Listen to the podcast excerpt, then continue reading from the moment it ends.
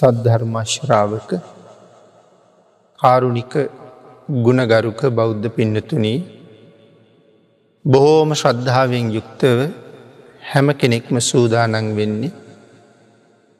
තෙලෝගුරු සාන්තිනායක සම්මා සම්බුදුරජාණන් වහන්සේ විසින් ලෝක සත්වයන් පිළිබඳව අසීමිත දයාවෙන් කරුණාවෙන් මෛත්‍රියෙන් යුක්තව අවබෝධ කරගෙන දේශනා කොට වදාළ පරම ගම්බීර වූ ශ්‍රී සද්ධර්මරත්නයෙන් ඉතාම පුංචි කොටසක් දේශනා කරවගෙන ධර්ම ගෞරවය පෙරදැරි කරගෙන ඒ දේශනාගත ධර්මය ශ්‍රවණය කරලා මෙලොව ජීවිතයේ ධර්මානුකූලව නිවැරදි කරගෙන ඒ තුළින් පරලෝක ගත ජීවිතය සුගතිගාමී කරගෙන ප්‍රාර්ථනා කරන බෝධියෙන් සැප සහිත ප්‍රතිපදාවෙන් ඉතාම ඉක්මං භවයක කෙටිම කාලයකින් සසරින් එතරවීමේ පරමාර්ථයත් ඇතුවයි.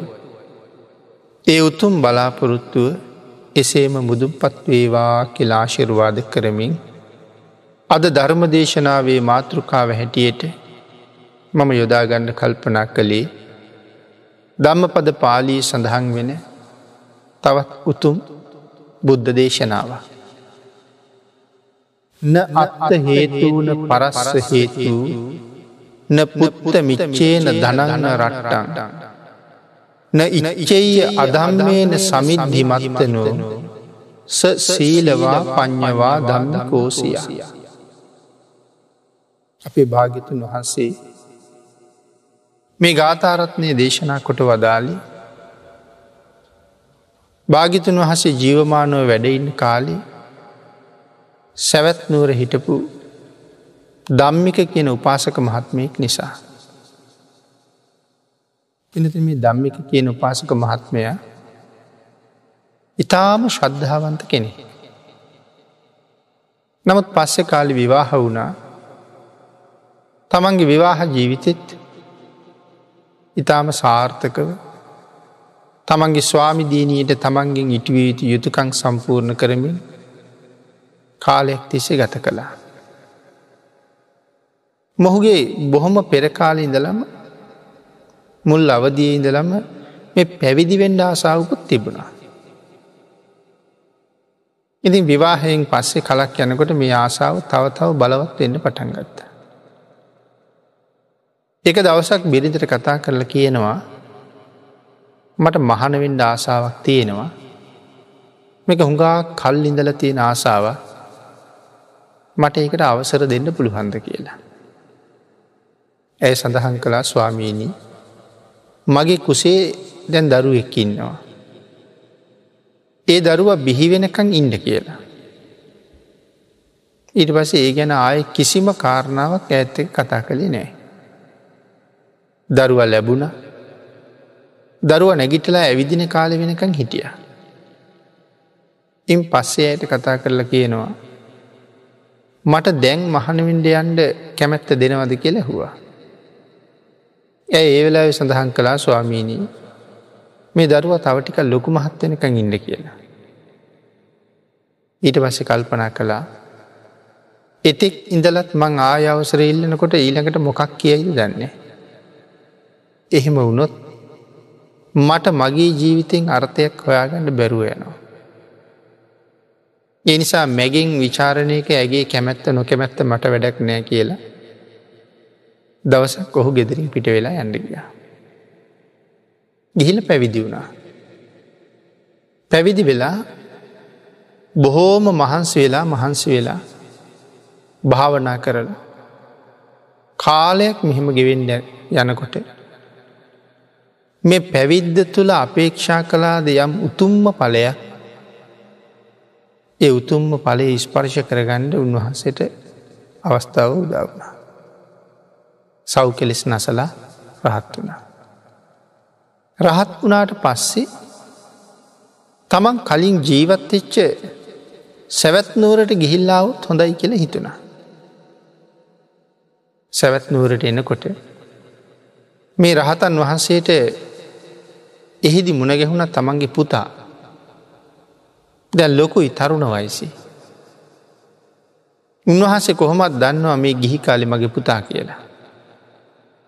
පුතත් ඒ කාරණාව පස්සේ දැන ගත්තා. පුතාට දෙන්න තියෙන හොඳම දායාදේ තමයි භාගිතුන් වහසගේ ධර්මය. එනිසා රහතන් වහස පුතාට අනු ශාසනා කළා. එ තරුණ පුතා කල්පනා කළා මේ දේශනාව හැටියට. මේ සසරි හරිම භයානකයි. මේ සංසාරි කෙරවල කරගන්නඩ සසරින් එතර යන්නන පැවිද්ද හොඳම මාර්ගයයි. එහෙම හිතලා පුතත් ගිහිල්ල මහන වුණා. පුතත් බලාපොරොත්තුන ආකාරයෙන්ම අති උතුම් රහත් බවම ලබාගත්තා.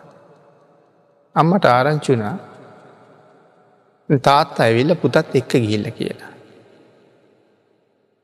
ඒ දෙන්නම මත් හැරල ගියාන මේ දේවල් රැක බලාගෙන මම ඉන්නවා කියන එක තව තේරුමක් නෑමට. මත් ඒ පාරෙම යනවා කියලා ඇත් ගිහිල්ල පැවිදුනා. පැවිදි වෙලා ඇත් රහත් වුණා. ඇතට පවුලම මහන වුණා.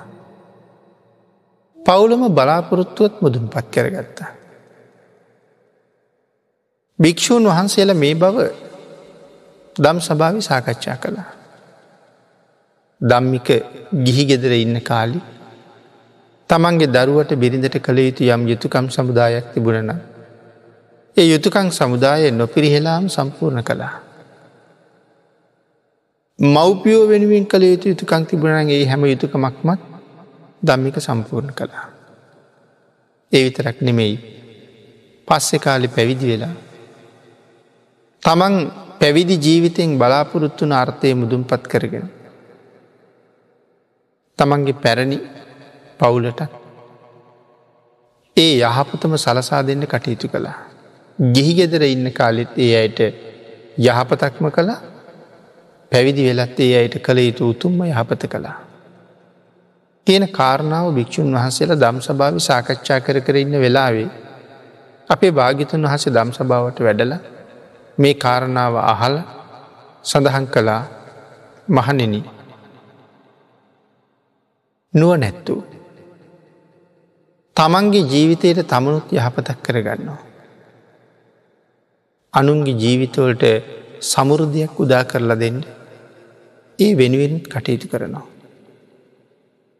නමුත් කොයි අම්ම මොහොතකවත් මේ කොයි අම්ම කටයුත්තක් වෙනුවෙන්වත් අධහාර්මික වනම් කටයුතු කරන්නේ නෑ. කියන කාරණාව සඳහන් කරලා. අපි මුලින් මාතෘකා කරගත්ත ගාථාරත්නය දේශනා කළා. න අත්ත හේතුවන පරස්ස හේතු න පුත්ත මිච්චේන දනන්න රට්ටන්. න ඉච්චෙය අදම්මේන සමිද්ධි මත්තනෝ සසීලවා පඤ්ඥවා ධම්මිකෝසිය. න අත්ත හේතුවන පරස්ස හේතු. කවදාවත් නුවනැති පුද්ගලයා. තමන් නිසානං අකුසල් කරන්නෙම නෑ. තමන්ගේ යහපත තමන්ගේ සතුට මේ කිසි දෙයක් වෙනින් අකුසල්නම් කරන්නේ නෑ.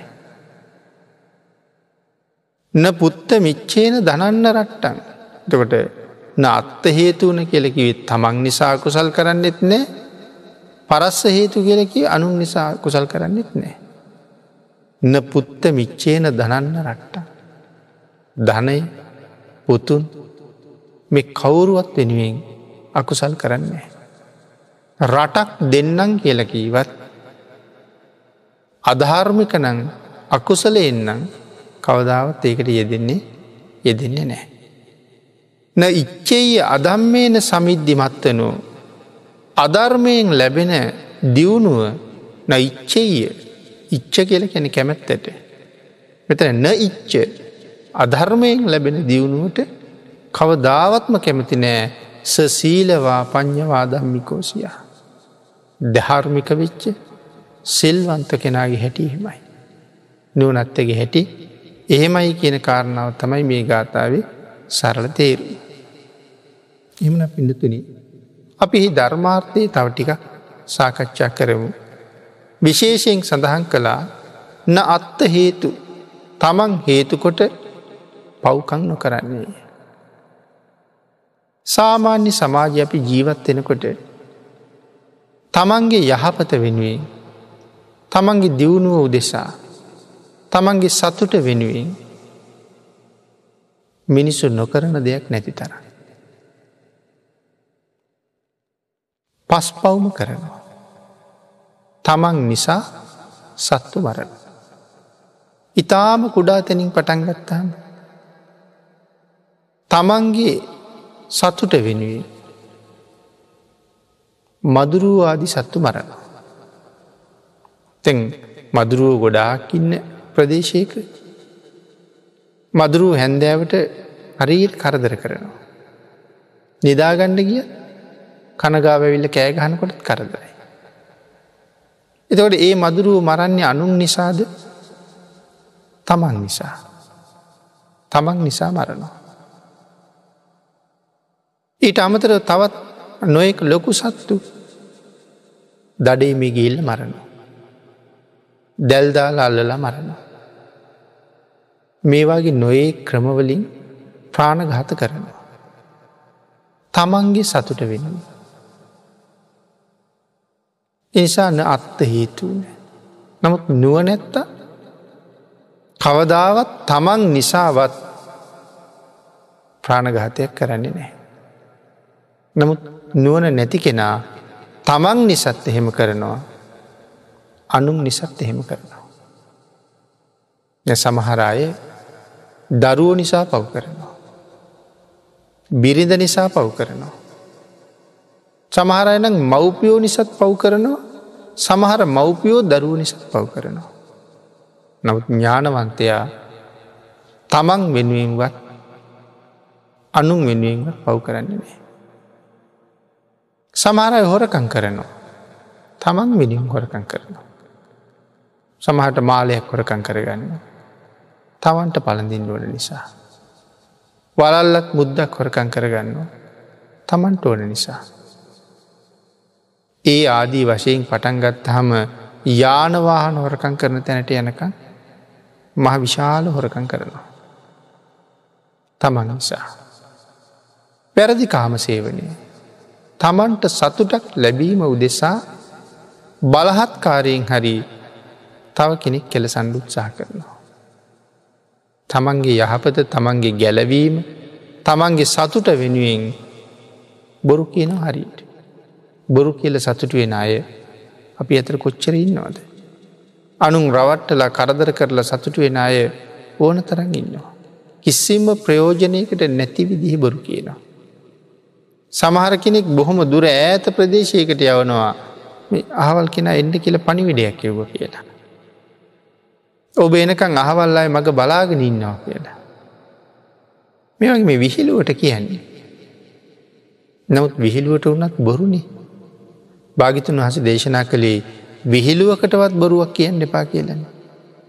අං එහෙම ඉතාම නොවැදගත් කාරණා නිසා මුසාවාද කියලා හරි දරුණුව කුසල් කරගන්නවා. ප්‍රාණ ගාතයටත් වඩා ඉතාම ඉහලින් තිය නිමුසාවාදය. නමුත් අපි විහිළුවට විහිළුවටත් පාවිච්චි කරලා කර්මයයි පලයයි දන්නේ නැති නිසා සසර ඉතාම දුක්කිත තත්ත්වයට ඇද වැටෙනවා අති දීර්ඝ කාලිකට. සුරාපානය කරන්නෙම තමන් නිසා. තමන්ට සතුටක් නිසා සමහරු සතුටටත් සුරාපානය කරන.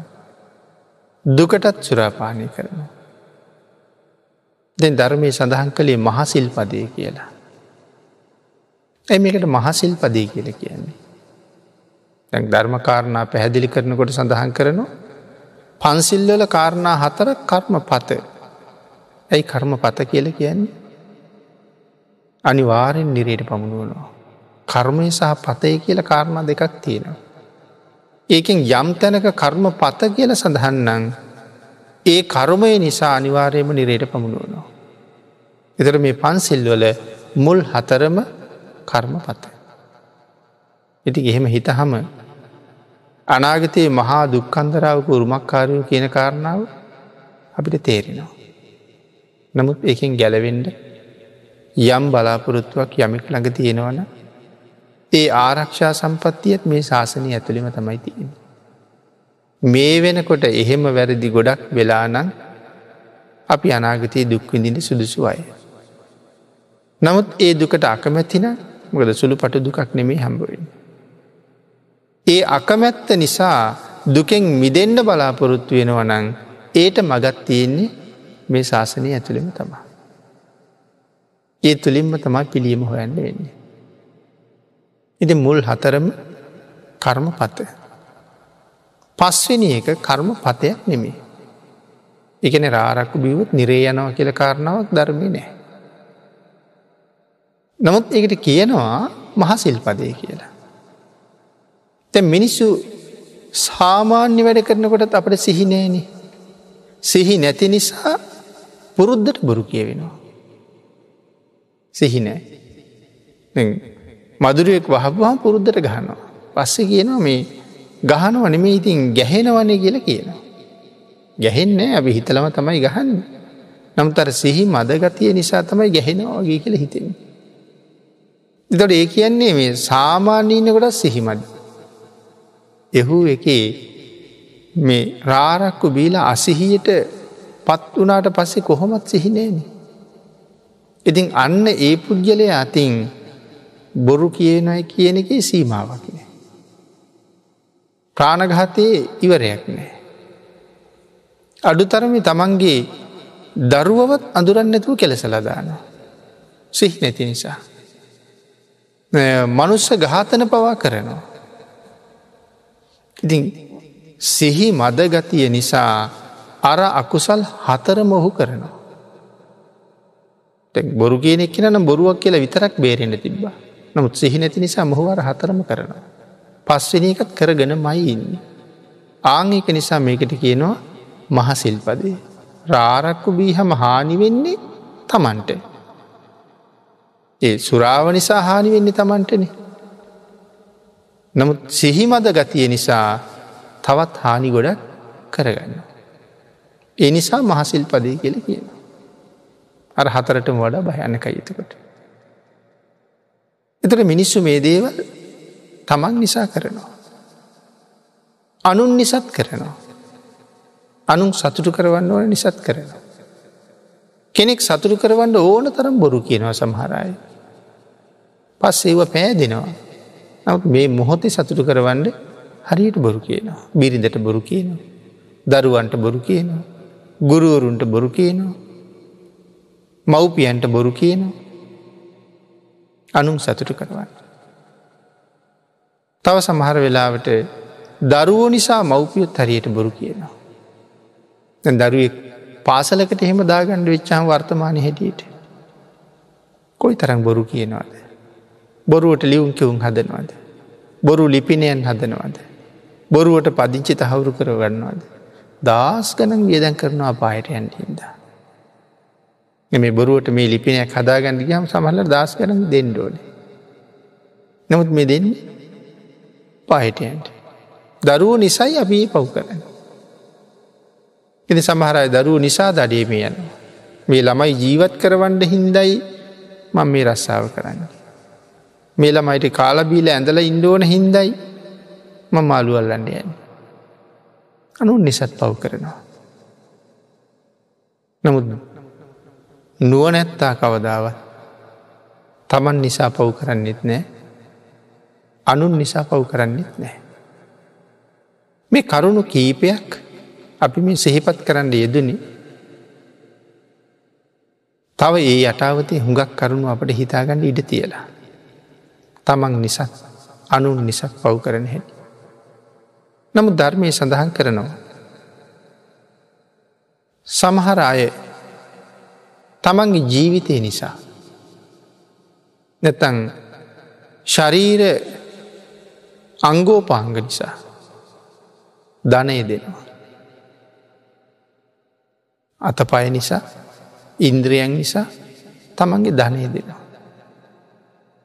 සමහර අය ඉන්ද්‍රියන් නිසා නැතන් ජීවිතය නිසා ඉන්ද්‍රියන් අත්හරිනවා.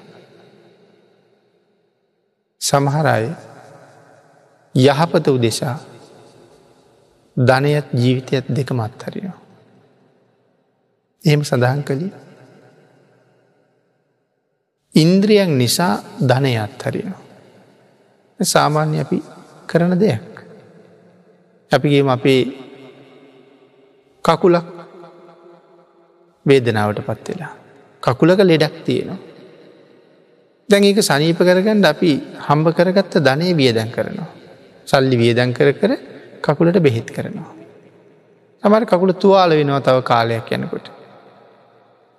මෙතෙක් රැස් කරගෙන තිබුණනම් ධනයක් දැන්ගේ ධනය ඉවර වෙලා. නමුත් තව බෙහෙත් කරන්න ඕනේ ධනය නෑ. එක්කො ඉඩමක් විකුණනවා. මුලින් ඔය රංග්‍රදී මුතු මැනික් තියෙන් දේවල් උගසටවාගේ තියෙනවා. ඊට පස්සේ ඉඩ කඩන් විකුණනවා. ඊට පස්සේ යානවාහන විකුණනවා. මෙහෙම මෙහෙම තමන්ගි තියෙන වස්තුව ටික ටික ටික ටික මිල කර කර මේ කකුල සනීප කරගන්න උත්සාහ කරනවා. ධනං චජයේ යෝ පණ අංග හේතු. අංගය රැකගණ්ඩ නිසා ශරීරාංගය නිසා ධනය වියදැන් කරනවා. දැන් සමහරලාට හරි හම්බ කරගත්ත මුදලුත් නෑ ඉඩකඩනුත් නෑ ගෙවල් දොරවල් පවා සමහරලාට උගසට තියලා. පිට රටවල් වල පවා ගිහිල්ල ප්‍රතිකාර කළත් තාම සනීපයක් සනීපයක් නෑ. ඉට පස්සේ වෛද්‍යවරු ඊළඟට නිර්දේශ කරනවා මේ තුවාල මේ විදිහටම තිබුණොත් වැඩි කල් නොයා ජීවිතයට හානි කරන්න පුළුවන්. එහින්ද ඇතින් ජීවිතයවත් රැකගණ්ඩන කකුල කපන්ඩ වෙන. ත බලන්ටකෝ ගේ පවා උගසට තියලා. අනික් ධනය ඔක්කොම ඉවරයි. ඒ ඔක්කොම කෙරුවේ මොකක් නිසාද මේ කකුල නිසා. එච්චර විනාසයක් මට කරගෙන තියෙනකොට දැන් මේ අය කියනවා කකුල කපලායින් කරන්න කියලා. එතට ඒකටද මෙච්චර විය දැන් කළේ. නමුත් කොල කෑල්ල දීල ගියහම කකුල කපන්ඩ කැමතිනං අස්සං කරලා තියන්න කියලා අපි අස්සං කරනවන් ජීවිතය රැකෙනවනම් කකුල අයින් කලාට කමක් නෑ. කකුල හොඳ කරලා දෙනවනං ධනය නැති වුණාට කමක් නෑ. දැන් ජීවිතය රැකල දෙනවනම් කකුල නැති වුණාට මක් නෑ. ධනං චජයේ යෝපන අංග හේතු කෙල සඳහන් කළා අංග නිසා ධනය වියදැන් කරනවා. අංගං චජයේ ජීවිත මාහු සෙට්ට. ජීවිතය ආරක්ෂා වෙනවනන් මේ අංග ඉවත් කරගණ්ඩුන කැම. එතුට අපේ වැඩිම තන්හාාව තියෙනෙ කොතනද. අංගං චජයේ ජීවිත රක්කමාන. ජීවිතය රැකෙනවන අංග ඉවත් කරගණ්ඩ කැමති. එතකොට ධනයටත් අපේ තන්හාාවක් තියෙනවා. කොහොමත් තියෙනවන අපි ළඟ ධනයට තන්හාාව. හැබැයි ඒ තන්හාාවට වඩා බලවත් කකුල පිළිබඳව තියෙන තන්හාාව. කකුල පිළිබඳව තියෙන තන්හාාවට වඩා බලවත් ජීවිතය පිළිබඳව තියෙන තන්හාාව. ආන්ගේ තන්හාාවේ මට්ටමට තමයි මේ අත්හරින්න පුළුවන්කම අපිට හැදිර තියෙන. අංගං දනං ජීවිතන් චාපි සබ්බ. චජයේ නරු දම්ම මනුස්සරත්තු නමුත් ධාර්මික පුද්ගලය සත්පුරුෂය නුව නැත්තා. අංග ධනය ජීවිතය සියල්ලම කැප කරනවා අකුසලයෙන් විදිෙන්ට. තමන් නිසා කුසල් කරන්නෙත් නෑ. එමනත්තන් අපි කියන්නේ දිවි හිමියෙන් සිල් සමාදන්ගෙනවා කියලා. දිවි හිමියෙන් මං මේ සිල්පදය කඩන්නේ. එතට ජීවිතය නැතිවුණත් කඩන්න නෑ. එන තමන්ගේ ධනය වෙනුවෙන් කියහම තමන්ගේ ලෝලු කොටුව වේවා තමන්ගේ පොල්වත්ත වේවා අලියවිල්ල විනාශ කරනවා. කොඹුරු එලවලුවාදිය සමට ඌරෝවාගේ සත්වවෙල්ල විනාශ කරනවා. ඒ දේවල් රැකගණ්ඩ කියලා කවදාවත් තුවක්කු බඳින්නේ තුවක්කු බඳින්නේ නෑ. කවදාවත් ඒ සත්තු මරන්ඩ කියලා වසවිස තියන්නේ නෑ. වෙන එලවාගණ්ඩ ක්‍රමයක් තියෙනව නං ඒ ඕනෙම ක්‍රමයක් අපට පාවිච්චි කරන්න පුළුවන්. මරන්ඩ විතර ඉතහන. ඕන්නන් වත්තට එන්නේ නැතිවෙන්ට වත්ත වටේටම දැලක් ගහන්ට පුළුවන්. එහෙම කලා කියලා අපිට අකුසල් සිද්ධ වෙන්නේ නෑ. දෙ ඕගේ අන්තයට ගියොත් එහෙම. අන්තයට ගියොත් හිතන්න පුළුවන් ඒ සත්තුන්ගේ කෑමටික නැති කෙරුව කියලා මට පවක් සිද්ධ වේද දන්න කියලා. එතකොට අපි අන්තගාමි වෙලා. නමුත් මේ බුද්ධාගමි තියෙන මොකක්ද මධ්‍යම ප්‍රතිපදාව. අන්තයට යන්නේ නෑ. එනිසා අපිට සඳහන් කරලා තින්නේ පානාතිපාතාවේර මනී සික්කාපද. අනුන්ගේ ජීවිත නැති කරන්නේ නෑ කියලා පොරොන්දු වෙඩ්ඩ කියල තියෙන්නේ. මට ජීවත්තෙන්ට අවශ්‍ය දේවල් ටික රැකගන්න නෑ කියලා පොරොන්දු වෙඩ කියලනෑ. ගෙදර මීයෝ ඉන්නවන්න අපි ආහාරයට ගෙනල්ල තියෙන දේවල් මීයන්ට කන්න බැරිවෙන්ඩ වහලා තියෙන්ට අපිට පුළුවන්.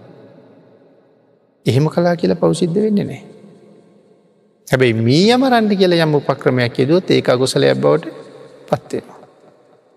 ඉතින් එහෙනම් ධනය ආරක්ෂා කරගන්නට කටයුතු කරනවා නමුත් ඒ සත්තුන්ගේ ජීවිතවලට විනාශ කරන්නේ.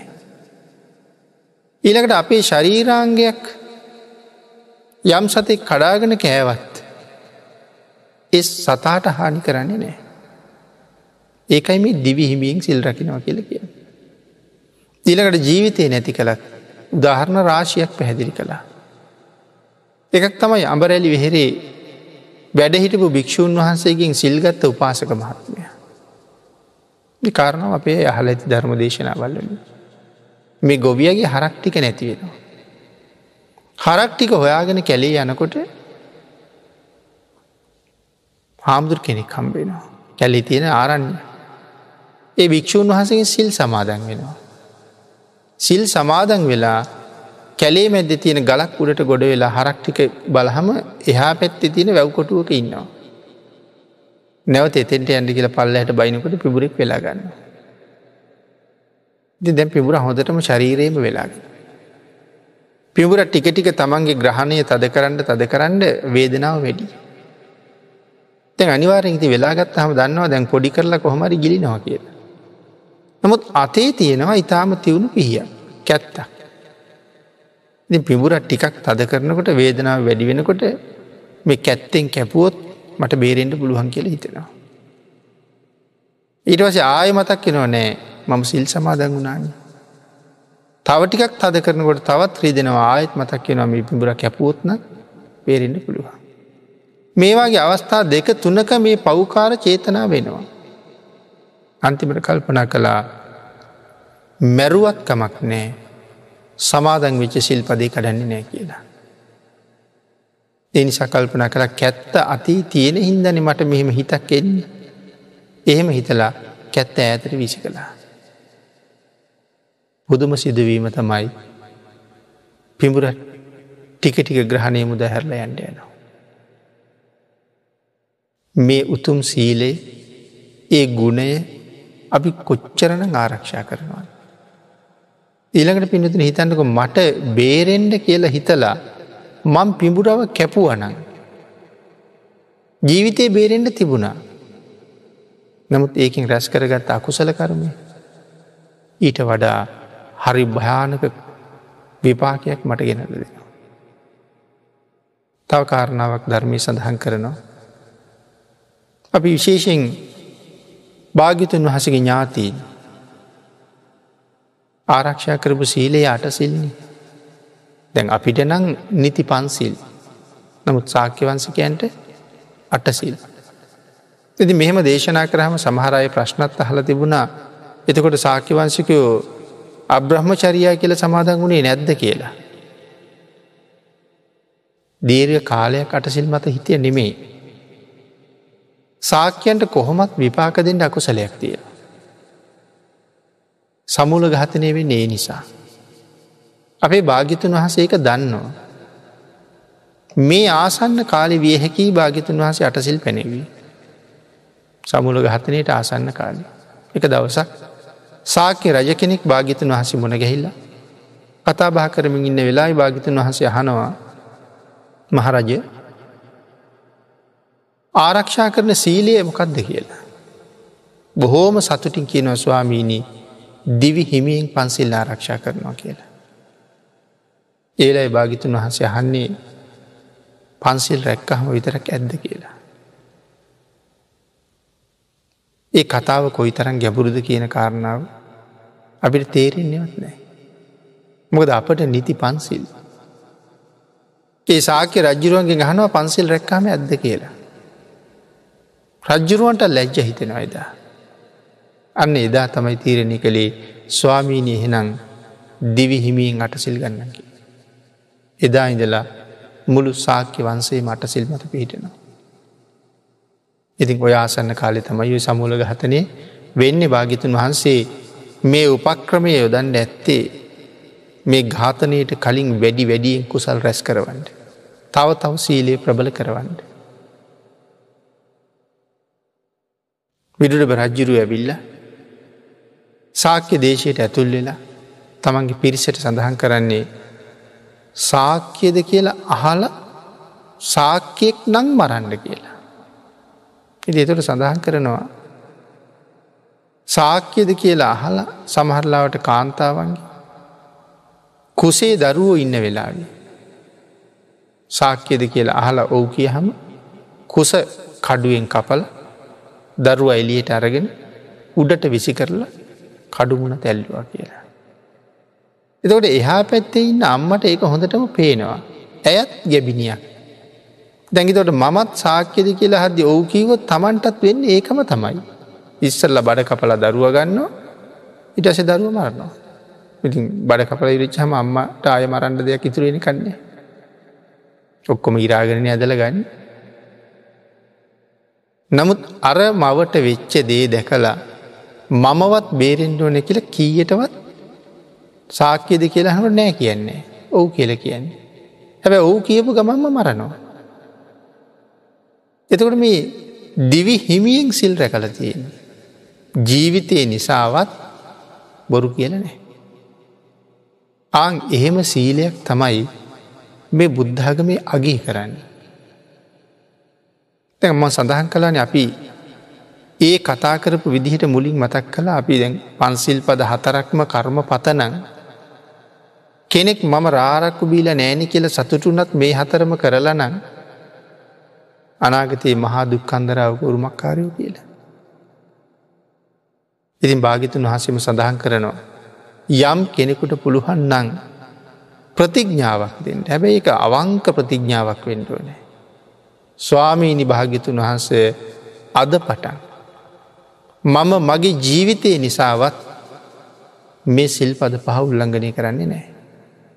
කියලා අවංකම ප්‍රතිඥ්ඥාවක් දීල නැගිටිනකොට පිටිපස්සෙන් අකුණක් පුපුරලා එතනම මැරුණොත් මැරුණ ගමන් සුගතිය උපදිනවා කියල කිය.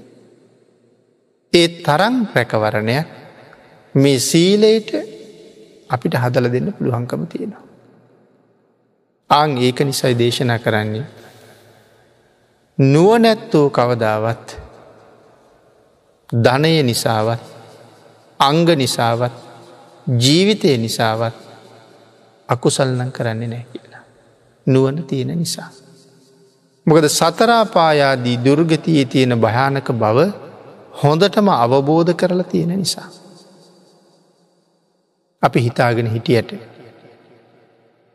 අපි මෙහෙන් මැරිලා ආයෙත් මෙහෙම උපදී කියලා ඒක වෙන්න නෑපිනතු. මේ සක්වලේ මැරිච්ච කෙනෙක් මේ සක්වලේම උපදිනවා කියලා තීරණය කොහෙවත් නෑ. මෙහෙන් මැරිලා සක්වලවල් දස් ගානක් එහා පැත්ති තියෙන සක්වලක නිරේක ඉප දෙන්නත් පුළුවන්. සාගරයක ඉප දෙන්න පුළුවන්. සක්වලවල් දස් ගානක් ඇත. මේ සක්වලේම සතර පායිප දෙන්නත් පුළුවන්. මෙයින් සක්වලවල් දහස් ගනන් ලක්ෂ ගණන් ඇත සක්වලක දෙව්ලෝක ඉප දෙන්නත් පුළුවන්. එහින්ද මෙහි මැරිලා මෙහෙම උපදිනවා කියල කතාවක් අපි තුළ නෑ. මැරුණ කෙනෙක් එහෙම සක්වලවල් ගණනාවක් ඇත සක්වලක ඉපදුනොත් සමහරලාට අපි දෙන පින් ඔහුටත් ගණ්ඩ පුළුහන්ද කියන කාරණාවක් දන්නෙත් දන්නෙත් නෑ.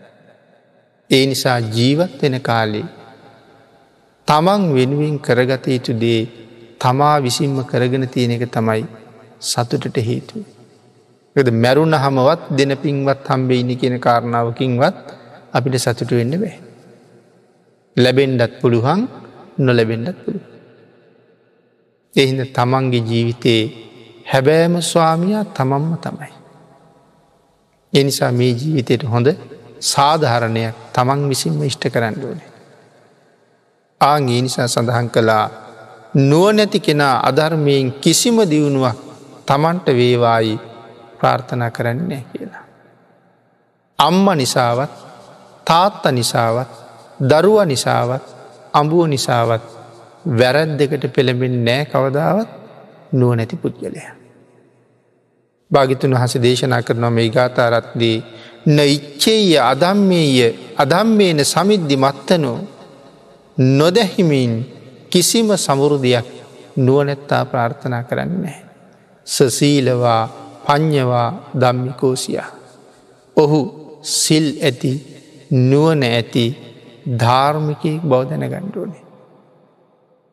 තමන් නිසාවත් ධනය නිසාවත් ශරීරාංග නිසාවත් පව් කරන්න නැති කෙනාට කියනවා ධර්මිකෙක් කියලා. සීලවන්තයෙක් කියලා. නුවනැත්තෙක් කියලා. එතකොට ධර්මයේ නුවනැත්තා කියන තැනට එන්ඩ අපිට කොච්චර කල් ජීවිතය කටයුතු කරන්න වීද.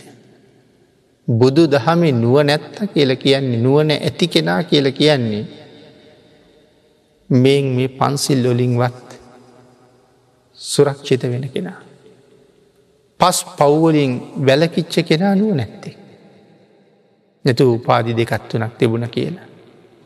ඒ තුළින් ලොකූ රැකියාවක් කරන කෙනෙක් කියලා. වත්මන් සාමාන්‍ය පුහුදුන් සමාජයේ ප්‍රභූ කෙනෙක් කියල පිළිගත්ත කියල. එහෙම අයට ධර්මය නුව නැත්ත කියල නෑ. අපිට උපාදි කීයක් තිබුණත් මැරිලා යන්නේ නිරේට නං අපි නුවන නැති කෙනෙ. දක්ෂයා කියල කියන්නේ නිරයෙන් බේරෙන කෙනාට. නිමක් නැති දුක්කන්දරාවෙන් ආරක්ෂා වෙන කෙනා තම දක්ෂය. නමුත් සාමාන්‍ය පෘතජ්ජන අපි මිශිෂ්‍යත්ව විභාගයක් පාස්සු නහම. සාමාන්‍ය පෙළ උසස් පෙළ පාස් වෙලා විශ්ව විද්‍යාලිගිය හම. අපි ඒයට තමයි දක්ෂයි කියල කියන්නේ. නමුත් කුසලේ පැත්තෙන් ඒ අය මොකොවත්ම කරගෙන නෑ. හදිසියේ උපාදී අරගෙන එනකොටත් මගදි වාහනයකටවත් යට වෙලා මැරුණ ඒ තාක් ඉගෙන ගත්ත දෙයින් කිසිම ප්‍රයෝජනයක් නෑ නිරේක ඉපදිලා ඉන්නවා වෙන්ඩ පුළුවන්. නමුත් එවන් තාන්න මාන්න මොකවත්ම නැති වුණට කමක් නෑ මේ උතුම් සීලේ මත පිහිටලානං ඔහු මැරිච්ච ගම සුගතියක උපදිනවා. ඒ තමයි හැබෑමඩුව නැත්තා. නිරේක ඉපදිලා අවුරුදු කෝටි ප්‍රකෝටි ගානක් දුක් විදිනවට වඩා. මෙසිල් පද පහට ගරු කරලා සුගතියට යන්න පුළුවන්න හැබෑනුව නැත්තේ. වෙන කිසිම සහතිකයක් සම්මානයක් නැති වුණට කමක් නෑ මේ සිල් පද පහරැක ගන්න පුළුවන්නම් ඔවුන්ට බය නැතුව නුව නැත්තු කියල කියන්න පුළුව. එහෙමනම් දම්මික උපාසක මහත්තය. බිරිඳ තමන් ගිහි ජීවිතයේ ටික ටික නවත්ත ගණ්ඩ හදනකොට තමන් ගැන හිතපු නිසා බිරිඳත් අත් හැරිය දරුවත් අත් හැරියා. තමන්ට කරගත යුතු යහපත කරගෙන දරුවටත් පිහිට වුණා අන්තිමට ඒ ඔස්සේ බිරිඳටත් මහාලොකු පිහිටක් පිහිටක් ලැබුණ.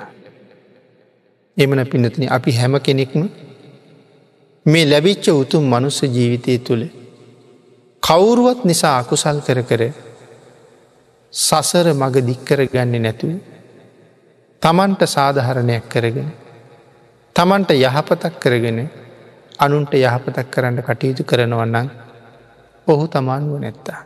ආංඒකයි ධර්මය සඳහන් කළේ හැකි තරං ආත්මාර්ථකාමි වෙන්න කියලා. ඒ සඳහන් කළේ ඔය අපි කතා කරන ආත්මාර්ථකාමිත්තය ගැන නෙමේ. තමන් ලබාගත්ත තමන්ගේ ආත්මයට හොඳ අර්ථයක් සපයන්ට. එතකට තමන් ආත්මාර්ථකාමි ආත්මයට අර්ථයක් කරනවා. හැබැයි ඔහු ඔහුට ආදරයේ නිසා ආත්මයට අර්ථයක් කරගන්නකොට ඔහු නිකම්ම පරාර්ථකාමී කෙනවා. ඕක පැහැදිලි කරන්න පුළුවන් හොඳම තැන දකින විභංගය. නමුත් ධර්ම දේශනාව කාලය ඉවර වෙලා නිසා දීර්ග වශයෙන් කරුණු සඳහන් නොකර. දකින විභංග සූත්‍රයේ සඳහන් කළේ බණ අහලා අපේ කරුණු දන්නව ඇති කියල හිතනවා. තිසරණයි පන්සිලුයි තියෙන කෙනෙකුට.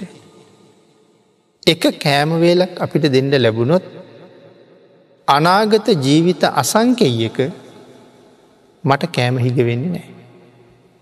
එතකොට තිසරණයි පන්සිලී තියෙන මමගාව නෙමේ. තිසරණයි පන්සිලී තියෙන කෙනෙකුට මම ගිහිල්ල කෑම වේලක් දෙනවා. ඔහුට කෑමවේල දුන්න නිසා මට අනාගත ජීවිත අසංකෙයක් එකයි බින්දු එකසිය හතලිහක බඩිගින්න ඉන්ඩ වෙන්නේ වෙන්න නෑ. එතකොට දැ මගේ තියෙන ගුණයක් නිසාද මට එහෙම වෙන්නේ. නෑ අර සිල්වත් පුද්ගලයාගේ තියෙන ගුණේ නිසා. එතකොට ඔහු සිල් රැක්ක නිසයි මට ඒ ලාබේ හම්බෙලා තියෙන. එතකොට දැන් ඒ සීලවන්තයා නිකම්ම අනුන්ට යහපතක් කරන කෙනෙක් වෙලා නැද්ද. තමන් ආත්මාර්ථකාමි වෙනකොට අනික් අයට නිකාම පරාර්ථය සැලසෙනවා. අපි මේ කාරණාවෙන් දේශනා විවර කරමු. අපිකම අපේ ගෙදරක මංගල උත්සවයක් තියෙනවා. අපි ඒකට ආරාධනා කරලා තියෙනවා එක්දස් එකකට. එක්දස් එකින් දාහක්ම පෘතජ්ජන සීලවන්තයෝ කියල කියමු. එකන අපිට හොඳ අය ආරයන් වහසලට හොඳ නැතියි. අපිට හොඳයි. අපි ගමේ ගෙදරනකට හොඳ මනුස්යෝ කියල කිය එහෙමයි. එතර පෘතජ්ජන සීලවන්තයකුට කෑමවේලක් දුන්න හම අපිට ලැබෙන්නේ අනාගත ජීවිත ලක්සක විපාක ලැබෙනවා. බඩිගිනි බඩිගින්න ඉන්න වෙන්නේ අනාගත ජීවිත ලක්ෂයක් කෑම ලැබෙනවා. එතකොට එක්දස් එකට අපි ආරාධන කරලා තියෙනවන. මේ එක්දස් එක් දෙනාගෙන් එක් කෙනෙක් තිසරණයි පන්සිලි තියෙන කෙනෙක්. දාහක්ම පුතජ්ජන සීලවන්ත. එතකොට ඒ දාහට කෑම දුන්නහම එක්කෙනෙකුගෙන් ලක්ෂේ ගානේ ලක්ෂෙ දාහෙන් ගුණ කරහම එකයි බිඳු කීයක් එයිද. ලක්ෂෙ දාහෙන් ගුණ කරහම එකයි බිඳු අටයි. එතකොට දාහකට කෑම දුන්න හම මට අනාගත ජීවිත එකයි බින්දු අටක බඩිගින් ඉන්න වෙන්න නෑ. ඇතන එක්දස් එකක් ඉන්නවනේ. එක්වෙනිය තිසරණයි පන්සිලී තියෙන කෙනෙ. එයාට තනියම කණ්ඩ දුන්න නිසා එයට වෙනම ඒ පුද්ගලය ළඟ සීලයේ තියෙන නිසා අනාගතය මට එකයි බිඳු එකසිය හතලිහක කෑම හිග වෙන්නේ නෑ. එතකට දාහකට කණ්ඩදීලා එකයි බිඳු අටයි තනි පුද්ගලයට සිල්වත් කෙනට කණ්ඩදීලා එකයි බිඳු එකසිය හතලිහයි. එතකොට තමන් සිල්වත් වෙන්ඩ වෙන්ඩ අනුන්ට කොච්චර යහපතක් වෙනවද. මව්පියෝ සිල්වත් වෙනකොට දරුවන්ට යහපතක් වෙනවා. දරුව සිල්වත් වෙනකොට මව්පියන්ට යහපතක් කරන්නත් මේ ආදි වශයෙන් මේ සීලය ගුණය තුළ මේ සසර අපට තියෙන පුදුම රැකවරණය. එනම් දම්මිකෝ කියන මේ තරුණ උපාසක මහත්මයා. දරුවයි බිරිඳයි අත්හැරල ගිහිල්ලා තමන්ගේ ජීවිතයට අර්ථයක් කරගෙන ඒ දෙන්නටත් යහපතක් කළා. අපිත් ඉස්සරලා අපේ ජීවිතයට යහපතක් කරගෙන ඊට පස්ස අපිට අනුන්ට යහපත කරන්න පුළුවන්කම තියෙනවා. අපි අපට යහපතක් කරගන්න අතරෙම අනුන්ට අපි නිසා මහ යහපතක් උදාවෙනවා. අංගින් සමිතන සඳහන් කළේ. තමන් නිසාවත් අනුම් නිසාවත් අකුසල් නොකර කුසලයෙන්ම ජීවිතය පෝෂණය කරලා තමන්වත් සුගතියට පාරහදාගෙන අනුන්ටත් සුගතියට මඟ පෙන්වන්න පුළුවන් සත්පුරුෂයෙක් වෙන්න කියන කාරණාව මෙතන පැහැදිලි කරනවා. දම්මිකේසේ කෙනෙක් වුණා. අපිටත් එහෙම කෙනෙක් වෙන්න පුළුවන් වෙච්ච දවසට බොහෝම සතුටින් මෙලවත් හරින්න පුළුවන්. සතුට සිතින් සිනහවෙවී මරුතුරුලට යන්න පුළුවන්කම තියෙනවා. කොච්චර ඇඩුවත් මැරෙන අපි. හිනා වෙලා මැරෙන්ඩ පුළුවන්නන් අපි අපටත් ලෝකයටත් යහපතක් කරපුගෙන. මේ උතුම් ජීවිතයේ එතෙන්ට පෝෂණය කරන්න. තුනුරුවන්ගේ අනන්ත ආශිර්වාදයෙන් ඔබ සියලු දෙනාටම ශක්තිය දහිරිය භාග්‍ය වාසනාව උදාවේවා කියලා ආශිර්වාද කරනවා.